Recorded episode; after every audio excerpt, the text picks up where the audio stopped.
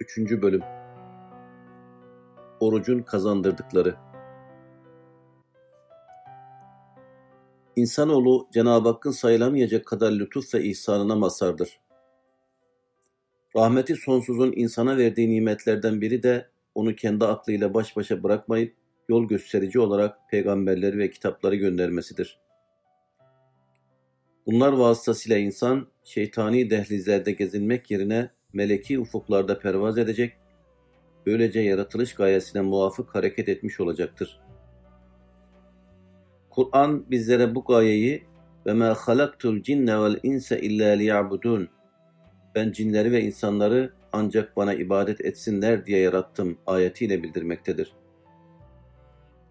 Yani insanın mevcudiyetinin gayesi ibadet etmek, kendisini yaratan Rabbine kullukta bulunmaktır.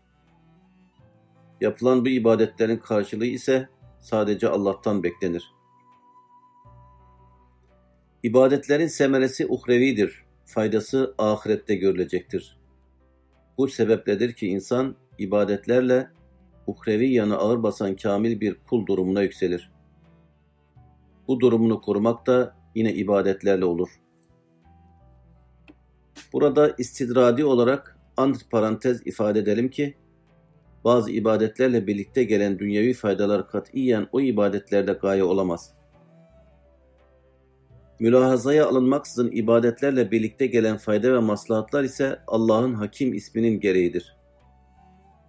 Evet, onun bizi mükellef tuttuğu şeylerde bizim görebildiğimiz ve göremediğimiz nice hikmetler vardır. İşte namaz, oruç gibi ibadetlerle birlikte gelen fayda ve maslahatlar da hep bu perspektiften değerlendirilmelidir. Meseleyi bu şekilde tespit ettikten sonra şimdi oruçla gelen fayda ve maslahatlardan tabiri diğerle orucun bize kazandırdıklarından bahsedebiliriz. Ferde kazandırdıkları. Sabır öğretir. Sabır, yücelme ve fazilete ermenin en mühim bir esası ve iradenin zaferidir. O olmadan ne ruhu inkişaf ettirmekten ne de yücelip benliğin sırlarına ermekten bahsedilebilir. İnsan sabırla ete kemiğe bağlılıktan kurtulur ve yine sabırla yüce alemlere ermeye namzet bir melek haline gelir. Her gün beş vakit namaz, senede en az bir ay oruç, muayyen miktarda zekat, ömürde en az bir defa hac ve kulluğa müteallik diğer bütün emirler ancak sabırla yerine getirilebilirler. Bunlar aynı zamanda insan hayatını disipline eder ve ona ötelere göre bir boya çalar. Böyle bir hayat da bütünüyle nuranilik çizgisinde geçer, bereketlenir ve nihayet Allah'ın fazlıyla cenneti semere verir. Onun için insan dişini sıkacak, ibadetlere sabredecek ve böylece hayatını ışıl ışıl nurlandıracaktır.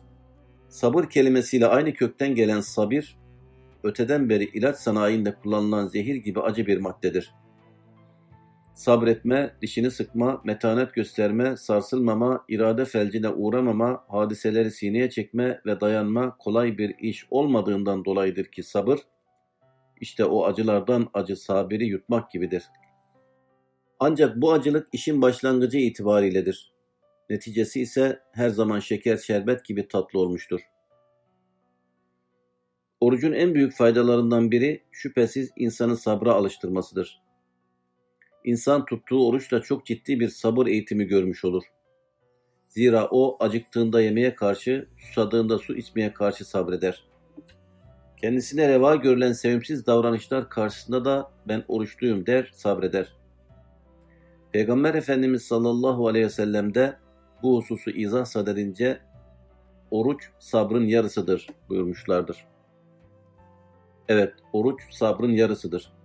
İnsan elini, ayağını, dilini, dudağını, kulağını bağlayıp Rabbine doğru kanat çırparken bir de sabrı kendine burak edinebilirse adeta iki kanadıyla beraber Cenab-ı Hakk'ın mahiyetine erme payesine doğru pervaz etmiş olur.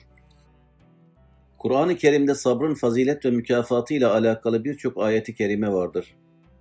Biz konuyu kendi başlığı altında müstakillen değerlendirildiği yerlere havale ederek bu ayetlerden sadece birkaçını vermekle iktifa edeceğiz. İllellezine saberu ve amilus salihati ulaike lehum mağfiretun ve ecrun kebir. Sabretip iyi işler yapanlar için mağfiret ve büyük mükafat vardır.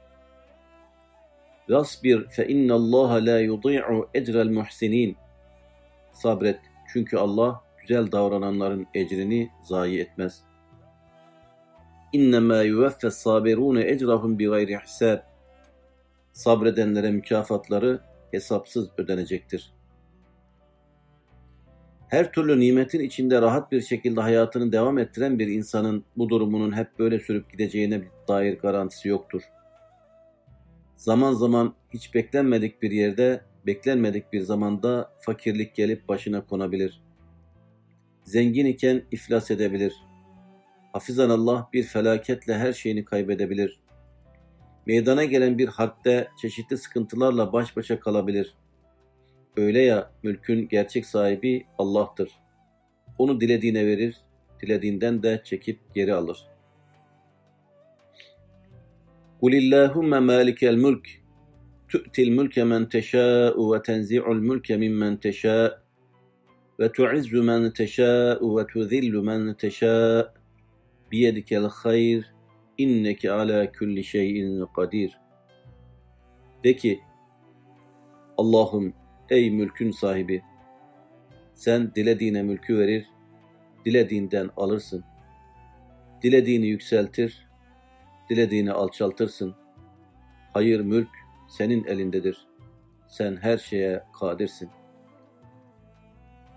Beklenmeden gelen böyle bir durum karşısında dayanıklı olup sarsılmamak için önceden hazırlıklı olmak zihin ve ruhu olduğu gibi vücudu da böyle zamanlara göre hazırlamak icap eder. İşte bu ve buna benzer sıkıntılar karşısında zorlanıp ümitsizliğe kapılmamak için oruç ibadeti, insana adeta bir intibak, uyum eğitimi yaptırır. Bedeni yeme içme gibi en zaruri ihtiyaçlara sabrettirmek suretiyle ansızın başına gelebilecek bir takım sıkıntılara karşı hazırlamış olur.'' İnsan böylece dünyanın değişik sıkıntı, zahmet ve külfetlerine karşı daha kolay bir şekilde karşı koyabilir. Hem insanların büyük çoğunluğu çok defa açlığa müptela olur. İnsan böyle bir şeye maruz kalması durumunda sabredip tahammül gösterebilmek için açlık ve riyazet alıştırması yapmaya muhtaçtır. Ramazan-ı Şerif'te yer ve zamana göre farklılık arz etse de günün yaklaşık yarısını kapsayan oruç açlığa karşı bir nevi sabır, tahammül, riyazet ve idmandır. Demek beşerin başına gelen musibetleri ikiye katlayan sabırsızlığın bir ilacı da oruçtur. Aynı zamanda oruç sıkıntılar ve ızdıraplar karşısında eğilmeyen, kendisine hakim olan, teklif edilen bir kısım dünyalıklar mukabilinde gerçek ve hak bildiği prensiplerden asla fedakarlıkta bulunmayan ideal insanların yetişmesine zemin hazırlar. Nefsi terbiye eder. Oruçla Hazreti Üstad'ın Ramazan Risalesi'nde ifade ettiği gibi nefsin terbiyesi de hedeflenmelidir. Oruç tutan bir müminin ben bu nefsimin biraz daha burnunu sürteyim, bunu biraz daha Cenab-ı Hakk'a yönlendireyim, onu kılleti taama az yemeye, kılleti kelama az konuşmaya, kılleti menama az uyumaya alıştırayım bir seyr-ü sülûki ruhanide çile yoluyla elde edilen meziyet, fazilet ve dereceler neyse onları elde etmeye çalışayım demesi ve Ramazan'ı aynı zamanda bir riyazet mevsimi olarak görmesi lazımdır. Zaten riyazatın bir yanı da oruca bakmaktadır. İnsan az yiyip içmek ve bazı sıkıntılara katlanmak suretiyle gerçekten bazı harikuladeliklere mazhar olabilir. Metafiziğin fiziğe hükmettiğini görebilir. Bunlar ruha kendi gücünü kazandırma adına yapılan önemli şeylerdir. Ancak hedeflenen şey Allah rızası olmazsa çekilen o zahmet ve sıkıntılara katlanmanın da bir manası yoktur. Evet, nefsin frenlenmesi bakımından aç kalma ve az yeme ciddi bir dinamiktir. Onun içindir ki ehlullah sürekli riyazat yaparak ruhi kıvamlarını korumaya çalışmışlardır. Yogilerin aç susuz durmakla ve bazı mistiklerin nefislerine bir kısım eza ve cefa çektirmek suretiyle belli nispette ruha kendi gücünü kazandırdıkları da öteden beri bilinen vakalardır. Ama onların bu yaptıklarıyla ahiret adını elde edecekleri hiçbir şey yoktur. Zira aç ve susuz kalma ve riyazat yapma ancak ibadet niyetiyle olursa bir değer ifade eder. Allah'ın rızası ibadetleri yalnız onun rızasını tahsile bağlamakla elde edilir. Oruç nefse vurulan bir gem ve zimamdır. Dolayısıyla nefsin firavunluğunu kırar. Aslı ve sübutu problemli olsa da faslı ve vermek istediği ders açısından manidar bir rivayette şöyle denir. Cenab-ı Hak nefsi terbiye için ona çeşitli cezalar verdi. Sonra sordu. Sen kimsin, ben kimim? Nefis, sen sensin, ben benim dedi. Bunun üzerine Cenab-ı Hak onu açlıkla terbiye etti. Neticede ben kimim, sen kimsin sorusuna nefsin cevabı, sen alemlerin Rabbisin, ben ise senin hakir bir kulunum şeklinde oldu. Nefsin dizginlerini elde tutmak insanlar için vazgeçilmez bir ihtiyaçtır. Zira nefsin istek ve alışkanlıkları insan için öldürücü birer zehir ve onu aşağılara çeken ağırlıklar gibidir. Nefis insana daima kötülüğü emreder. Hz. Yusuf ve ma uberri'u nefsi innen nefse le emmâratin bis su'i illa ma rahime rabbi inne rabbi gafurur rahim. Doğrusu ben nefsimi müdafaa edemem. Onun kusurlardan ari olduğunu iddia edemem. Çünkü Rabbimin merhamet edip kurdukları hariç nefis daima fenalığı ister, kötülüğe sevk eder. Doğrusu Rabbim gafurdur, rahimdir, affı ve mer merhameti boldur. Demek suretiyle nefsi en güzel şekilde tanıtmıştır. Nefis verdikçe isteyen, aldıkça şımaran bir yapıya sahiptir. Peygamber Efendimiz sallallahu aleyhi ve sellem dualarında doyma bilmeyen nefisten Allah'a sığınmıştır. Allahümme inni a'udu bike minel aczi vel keseli vel cubni vel buhl vel haram ve azabil kabr. Allahümme ati nefsi takvaha ve zekkiha ente hayru men zekkaha. Ente veliyyeha ve mevlaha. Allahümme inni a'udu bike min ilmin la yenfa' ve min kalbin la yakhşa' ve min nefsin la teşba' ve min davetin la yüstecabu leha. Allah'ım acizlik ve tembellikten, korkaklık ve cimrilikten, yaşlılık ve kabir azabından sana sığınırım. Allah'ım nefsime takva nasip eyle. Onu tertemiz yap. Zira sen temizleyenlerin en hayırlısısın. Nefsimin sahibi sensin. Allah'ım fayda vermeyen ilimden, ürpermeyen kalpten, doymayan nefisten, kabul olmayan duadan sana sığınırım. Başka bir duasında ise nefsin şerrinden, kötülüklerinden, insanın başına getireceği gailelerden Allah'a sığınmıştır. Allahümme alimel gaybi ve şehade, fâtıres semâvâti vel ard, Rabbe kulli şeyin ve melikehu, eşhedü en la ilahe illa ent, e'udu bike min şerri nefsi ve min şerri şeytani ve şerakihi. Ey gayb ve şehadet alemlerini hakkıyla bilen, gökleri ve yeri hiç yoktan yaratan Allah'ım, ey her şeyin Rabbi ve hakiki sahibi, şehadet ederim ki senden başka ilah yoktur. Nefsimin şerrinden, şeytanın şerrinden ve onun hilesinden sana sığınırım. Eskilerin ifadesiyle terkül adeti minel mühlikat, adetleri, tiryakilikleri terk etmek insanları öldürür, helak eder.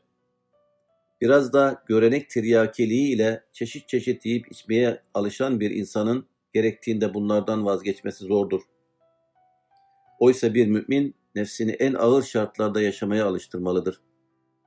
İşte insanın oruç vesilesiyle nefsin alıştığı adet ve alışkanlıkları terk etmesi ve bir manada bağımsız yaşamaya alışması mümkündür. Açlığa ve susuzluğa alışan biri zorunlu olarak böyle bir şeye maruz kaldığında sabredip dayanmasını da bilir. Günahlara karşı kalkandır. Günah bir iç çöküntü, bir terslik ve fıtratla bir zıtlaşmadır. Günaha giren kimse kendini vicdani azaplara ve kalbi sıkıntılara bırakmış bir talihsiz ve bütün ruhi meleke ve kabiliyetlerini şeytana teslim etmiş bir mazlum ve mağdurdur. Bir de o günahı işlemeye devam ederse bütün bütün ipi elden kaçırır ve artık ne bir irade, ne bir direnme, ne de kendini yenilemeye mecali kalmaz. İnsanın geçip gittiği yollarda yığın yığın günah vardır ve bunlar birer kobra gibi onu gözetlemektedir. Birinden kurtulması mümkün olsa bile diğerlerine kendini kaptırmadan yoluna devam etmesi bir hayli zordur. Polat gibi sağlam bir irade gerektir ki bu yollar aşılabilsin. İşte bu tehlikeye karşı oruç bir kefil ve bir teminat hükmündedir. Bazı kimseler için onları inhiraftan koruyucu bir sütredir. Masiyetlere karşı yapılmış bir taşidattır. Evet o bir kalkan gibi sahibini korur ve ona cennete giden yolu kolaylaştırır. Allah Resulü sallallahu aleyhi ve sellem şöyle buyurmuştur. Ey gençler topluluğu! Sizden evlenmeye güç yetirebilen evlensin. Güç yetiremeyenler ise oruç tutsun. Zira oruç günahlardan koruyan bir kalkandır. Oruç bir alıştırmadır.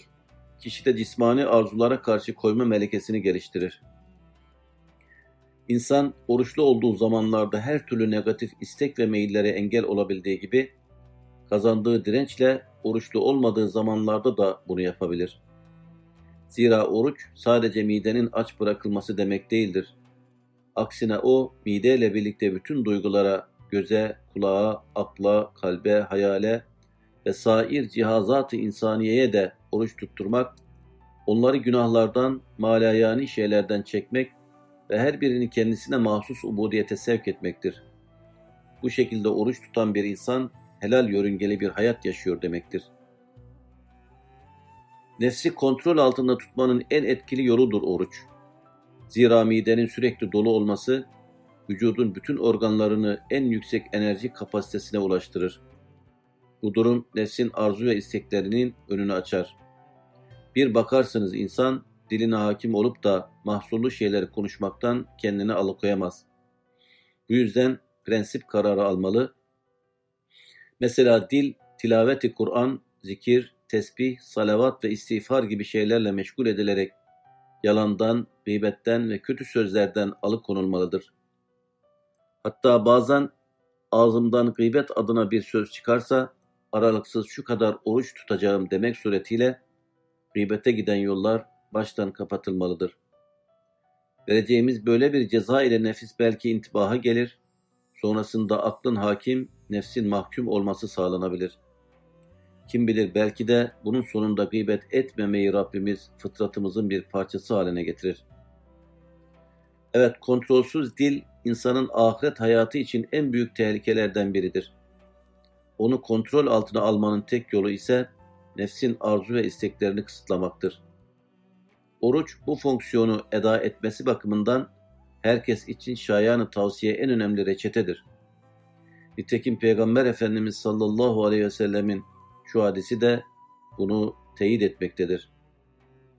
Men lem yeda' kavle zür vel amele bih feleyse lillahi hacetun fi en yeda'a ta'amehu ve şerabehu.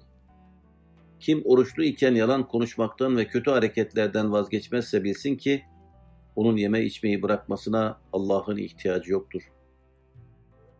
Oruçlu kişi dilini korumanın yanında gözünü harama bakmaktan, kulağını da fena şeyleri işitmekten men etmeli, gözünü ibrete, kulağını da hak söz ve Kur'an dinlemeye yönlendirmelidir. Hasılı en mükemmel oruç, mide ile birlikte göze, kulağa, kalbe, hayale, fikre ve sair organlara da tutturulan onların haramlar ve malayani şeylerden alıkonularak kendilerine mahsus kulluğa sevk edildiği oruçtur. Bunun yolu ise insan vücudundaki büyük bir fabrika hükmündeki mideyi oruç vasıtasıyla kontrol altına almaktan geçer. Çünkü o kontrol altına alınabilirse diğer azalar da kolayca ona tabi kılınırlar. Peygamber Efendimiz sallallahu aleyhi ve sellem bir hadislerinde şöyle buyurmuştur. Her insanın zinadan bir payı vardır ve bundan kurtulması pek zordur. Gözün zinası harama bakmak, dilin zinası haram konuşmaktır. Nefis buna can atar. Organları ise onun bu isteğini ya kabul eder ya da reddeder. Maalesef günümüzde bu tür günahlar çok yaygındır. Halbuki günah her yönüyle, her haliyle, her ünitesiyle, her müessesesiyle şeytana hizmet eder. Günahlara karşı İslam'ın ortaya koyduğu bir kısım düstur ve esaslar vardır. İnanan insanlar bu düsturlara başvurdukları sürece günah girdabına kapılmayacak, günah selleriyle sürüklenip yok olmayacaklardır. Fakat İslam'ın esaslarına riayet edilmediği zaman insanların tıpkı kütükler gibi bu günah sellerine kapılıp sürüklenmeleri mukadderdir. İslam'ın bu bakış açısını şöyle özetleyebiliriz.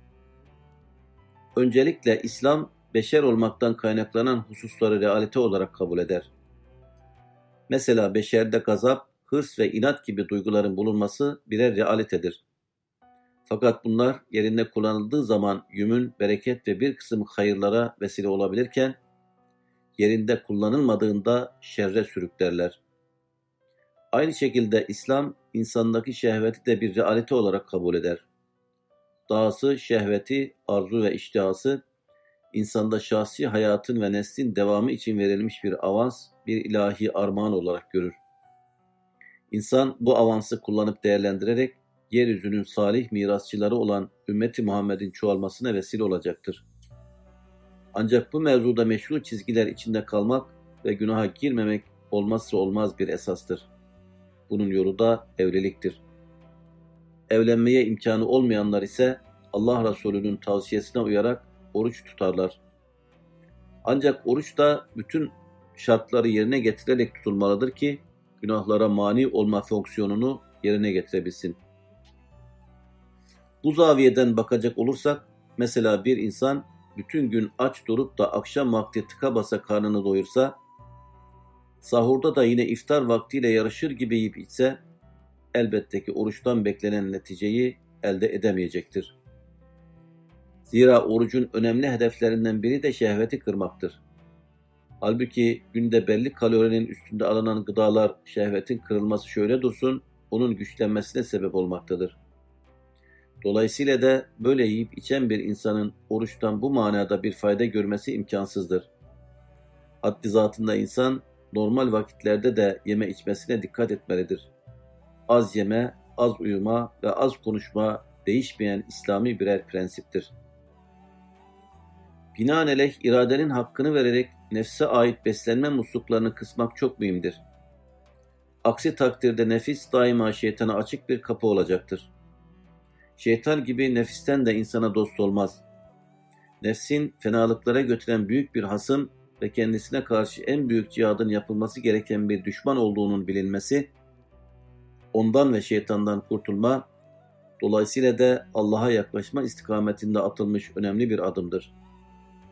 Peygamber Efendimiz sallallahu aleyhi ve sellemin bir keresinde اَعْدَى عَدُوَّكَ نَفْسُكَ الَّتِي بَيْنَ جَنْبَيْكَ senin en büyük hasmın mahiyetindeki nefsindir. Başka bir defa bir muharebeden dönenlere hitaben Gadimtüm hayra megdemin minel cihadil asgari ilel cihadil ekber. Şimdi küçük cihattan büyük cihada döndünüz buyurması büyük cihat nedir? sorusuna ise mücahedetül abdi hevahu. Kulun hevai nefsine savaş açması şeklinde cevaplaması, nefisten korkmamız ve karşısında daima teyakkuzda bulunmamız hususunda bizim için önemli derslerdir. Evet, nefsi kontrol altına almanın uygulamalı metodu oruçtur. Bunun içindir ki o, dinin temel rükünlerinden biri olmuş, insanın İslam'ı nefsinde uygulamasının pratik ifadesi olan takvaya ulaştıran yollardan biri sayılmıştır. Asılı insan oruçla nefsini Cenab-ı Hak karşısında serkeşlikten kurtarır ve itaat eden bir kul olma yoluna girer. Oruç tutan herkes, oruçlu olmadığı günlere nispeten daha bir melekleştiğini vicdanında hisseder. Yine herkes anlar ki izin verilmedikçe en küçük bir şeyi dahi yapamaz elini suya uzatamaz ve bu vesileyle de kendisinin malik değil memluk, hür değil kul köle olduğunu anlar. Neticede nihayetsiz aczini, fakrını, kusurunu görür ve bir şükrü manevi eliyle rahmet kapısını çalmaya hazırlanır. Yeter ki orucunu dinin verdiği ölçüler içinde tutsun. ruhu olgunlaştırır. İnsan ruh ve bedenden meydana gelmiş bir varlıktır. Ruhsuz beden bir şey ifade etmediği gibi bedensiz ruh da teklif dünyası adına bir mana ifade etmez. İnsanın yiyip içtiklerinin, yaptığı hareketlerin, yerine getirmeye çalıştığı ibadet-i taatın hem bedenine hem de ruhuna bir takım tesirleri vardır. Ağzına aldığı bir lokma zahiren midesine gitmekle birlikte ruhunda da bazı tesirler icra eder. Hakeza yaptığı hareketler vücuduna tesir ettiği gibi ruhuna da tesir eder. Bu açıdan insanın ruhi hayatının gelişip olgulaşmasında yediği içtiği şeylerin önemli bir yeri vardır. Oruçta aynı zamanda tasavvufçuların riyazat ismini verdiği yiyip içtiklerine azami dikkat etme manası vardır. Yani oruç bir manada ruhun riyazatı ve bedenin perhizidir. Sık sık oruca müracaat eden bir insan, onun vicdanında hasıl edeceği meziyet ve faziletleri açık bir şekilde müşahede edebilir. Her zaman ve her yerde midesini düşünen bir insanda ise temiz bir ruh ve saf bir kalbin bulunması zordur. Bedenin bir kısım ihtiyaç ve istekleri olduğu gibi ruhun da kendine göre istekleri vardır. İnsan cismaniyeti itibariyle küçük bir varlıktır ama ruhi melekeleri yönüyle sonsuzluğa açıktır. Sınırsız meyilleri, arzuları, istekleri, duyguları, hayalleri, düşünceleri ve fikirleriyle o sanki kainatın küçük bir fihristesi hükmündedir. İşte konumu ve durumu bu olan insanın ruhi yönünü ve bütün istidatlarını inkişaf ettiren, arzu ve emellerinin gerçekleşmesine vesilelik yapan, şehvet ve gazap gibi duygularını zapturap altına alan, onu Rabbi ile irtibata geçiren en ulvi ve en yüksek ameliye ancak ve ancak ibadettir. Önemli bir ibadet olan oruçta da bütün bu hususiyetler mevcuttur. İnsanı ruhen terakki ettirmeyi hedefleyen bütün dinlerde şekil farklılıkları bir tarafa bırakılacak olursa, oruç önemli bir esastır. Hatta insanların bu manadaki olgunlaşmasında rehberlik rolü ile vazifelendirilen bütün peygamberler, öyle bir misyonu yüklenmeye hazırlanma dönemlerini hep oruçlu geçirmişlerdir. Bu da yine orucun insanı olgunlaştırmadaki tesirini gösteren ayrı bir delildir. Hz. Musa aleyhisselama Tevrat nazil olmaya başladığında o 40 günlük orucunu tamamlamış bulunuyordu. İncil'in ilk ayetleri Hz. İsa'ya nazil olduğunda kim bilir bu büyük peygamber kaç gündür oruçluydu. İnsanlığın iftihar tablosu peygamberlik verilmeden önceki günlerini hep oruçlu geçirmişti. O Hira'da itikafa girmiş gibiydi. Zaten vahiy de bir Ramazan gününde gelmeye başlamıştı. İtikafın Ramazan ayında olması da nazara alınacak olursa, Efendimiz sallallahu aleyhi ve sellemin Hira'ya çekilişinin Ramazan ayına denk gelmesi cidden manedardır. Evet, insanlarda çoğu zaman ruh bedenin, beden de ruhun rağmına gelişir. Ruhani yönleri itibariyle gelişmek isteyenler mutlaka oruç tutmalıdırlar. Veya şöyle söyleyelim, oruç tutmayanlar bedenlerinin altında kalır ve istenen ölçüde ruhani olgunluğa ulaşamazlar. Üstad Bediüzzaman Hazretleri de bu hususla alakalı olarak şunları söyler. Mide fabrikasının pek çok hademeleri ve kendisiyle alakadar çok insani duyguları var. Eğer senenin bir ayında gündüzleri tatile girmezse, hademelerin ve diğer duyguların hususi ibadetlerini onlara unutturur, kendiyle meşgul eder, onları tahakküm altına alır nazar dikkatlerini daima kendine çeker, onlara ulvi vazifelerini unutturur. Fakat Ramazan-ı Şerif orucuyla o fabrikanın hademeleri anlarlar ki, sırf o fabrika için yaratılmamışlar. Ve sair cihazat o fabrikanın süfli eğlencelerine bedel, Ramazan-ı Şerif'te meleki ve ruhani eğlencelerle lezzet alırlar. Nazarlarını o manevi zevklere dikerler. Onun içindir ki Ramazan-ı Şerif'te müminler derecelerine göre ayrı ayrı nurlara, feyizlere, manevi zevklere mazhar olurlar. O mübarek ayda oruç vasıtasıyla ruh, akıl ve sır gibi latifeler çok terakki eder. Midenin ağlamasına karşılık onlar masumane gülerler. insanı melekiyete yükseltir. İnsanda biri meleki, diğeri de hayvani olmak üzere iki yön vardır. Yani onun fiziğe ait bir yanı olduğu gibi fizik ötesine açık bir mahiyeti de vardır. Evet, onun bir taraftan behimi hisler, şehvetler, gazaplar, kinler ve nefretlerden ibaret hayvani bir yanı, diğer taraftan da izan, irfan, marifet, muhabbet, kulluk ve tevazu gibi meleki bir yanı söz konusudur. Allah Celle Celaluhu insanın donanımına hem iyi hem de kötü duygular yerleştirmiştir. Bu itibarla da insan melekleşebilir de, şeytanlaşabilir de. İradesiyle melekleri geride bırakabilecek bir ruhanilik kazanabileceği gibi, şeytana bile rahmet okutturacak duruma da düşebilir.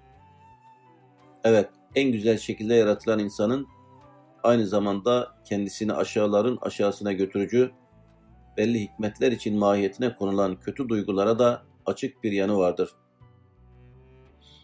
O her zaman bu duyguların tesiriyle alay-ı illiyinden esfer-i safiline düşebilir. Bu hususla ilgili Kur'an-ı Kerim'de şöyle buyurulur. لَقَدْ خَلَقْنَا الْاِنْسَانَ ف۪ي اَحْسَنِ تَقْو۪يمٍ ثُمَّ رَدَدْنَاهُ أَسْفَلَ سَافِل۪ينَ اِلَّا الَّذ۪ينَ آمَنُوا وَعَمِلُوا الصَّالِحَاتِ فَلَهُمْ اَجْرٌ غَيْرُ مَمْنُونَ Biz insanı en güzel biçimde yarattık. Sonra onu aşağıların aşağısına atıverdik. Yalnız inanıp iyi işler yapanlar hariç. Onlar için kesintisiz bir mükafat vardır. İşte insanın potansiyel insanlıktan hakiki insan olma ufkuna yükselmesi, mahiyetinde bulunan bu meleklik yönünü inkişaf ettirmesiyle mümkün olacaktır. Yoksa cismaniyetine bağlı kaldığı, hayvaniyetinin güdümünde yaşadığı, yani yiyip içerek yan gelip kulağı üzerine yattığı sürece o, mülk aleminin dar çerçevesi içinde sıkışır kalır. Kalır da ahsen takvim sırrına mazhar bir varlıkken, hayvanlardan da aşağı bir duruma düşer. Fakat o hayvaniyetten çıkıp cismaniyeti bırakırsa, yani nefsani, hayvani ve cismani kirlerden temizlenerek Cenab-ı Hakk'ın esma ilahiye, evsaf-ı sübhaniye ve şuun Rabbaniyesinin nurlarıyla tenevvür ederse, farklı bir mahiyete erer, ayrı bir kıvam kazanır. Ayet-i Kerime ve hadis-i şeriflerde meleklerin çokça zikredilip nazara verilmesinin hikmetlerinden biri de insanda potansiyel halde bulunan bu melekiyet yanını harekete geçirmek, tetiklemek, neşvinema bulmasını sağlamak ve böylece onu melekleşme ufkuna ulaştırmaktır. Evet, meleklerin hali nazara verilmek suretiyle melekleşmeye bir teşvik ve çağrı yapılmakta, mahiyetimizde mekni bulunan melekuta ait hususiyetleri inkişaf ettirmemiz istenmektedir. İnsanı meleklerden ayıran en önemli özelliklerden biri, onun nefis sahibi olmasıdır. Meleklerde yeme içme, evlenme, günah işleme gibi davranışlar söz konusu değildir. Onlar yaratılışları gereği masum, her an Allah'ı tesbih ve taatle meşgul nurani varlıklardır. Bununla ilgili Cenab-ı Hak şöyle buyurur. وَقَالُوا اتَّخَذَ الرَّحْمَانُ وَلَدًا سُبْحَانَهُ بَلْ عِبَادٌ مُكْرَمُونَ لَا يَسْبِقُونَهُ بِالْقَوْلِ وَهُمْ بِأَمْرِهِ يَعْمَلُونَ يَعْلَمُ مَا بَيْنَ أَيْدِيهِمْ وَمَا خَلْفَهُمْ وَلَا يَشْفَعُونَ إِلَّا لِمَنِ ارْتَضَى وَهُمْ مِنْ خَشْيَتِهِ مُشْفِقُونَ bir takım insanlar çıkıp meleklerin Rahman olan Allah'ın çocuğu olduğunu iddia ettiler. Bilakis onlar onun şerefli kullarıdır. Onun sözünün önüne geçmez, sadece onun emriyle hareket ederler. Allah onların önlerinde ve arkalarında ne varsa tüm hallerini bilir. Onlar onun razı olduğundan başkasına şefaat edemezler. Allah korkusu ve ona olan saygılarından dolayı her an müteyakkızdırlar.'' İnsan ise hayatiyetine ancak yeme içmeyle devam ettirebilir. Her zaman için nefsine uyup günaha girme ihtimali vardır. Ancak oruç tutan bir mümin yeme içmesine bir engel koyar, şehvetine hakim olur, her türlü günahtan sakınır, melekler gibi bir hayat yaşar. Hatta o bu haliyle melekleri bile geride bırakabilir. Öyle ki Cenab-ı Hak bu vasıflara sahip olan mümin kullarıyla meleklere karşı iftihar eder.'' Onları meleklere örnek gösterir. Evet öyle insanlar vardı ki melek gibidirler. Bu insan Rabbim hesaba çeker düşüncesiyle karıncaya dahi ayağını basmaz. Kendisinden daha muhtacını görse elindekini ona verir. Namaz kılmak üzere Rabbinin huzuruna gelince ayakları tir tir titrer. Titrer de ahirete ait hesabını düşünerek iki büklüm olur ve ona bakanlar Allah'ı hatırlar. İnsan da vardır ki şeytan gibidir. Ormanlardaki canavarlardan daha tehlikeli ve daha zararlıdır. İşte insan oruç sayesinde bu aşağı derekelerden çıkıp melekler ufkuna belki de daha ilerisine adım atmaya liyakat kazanır.''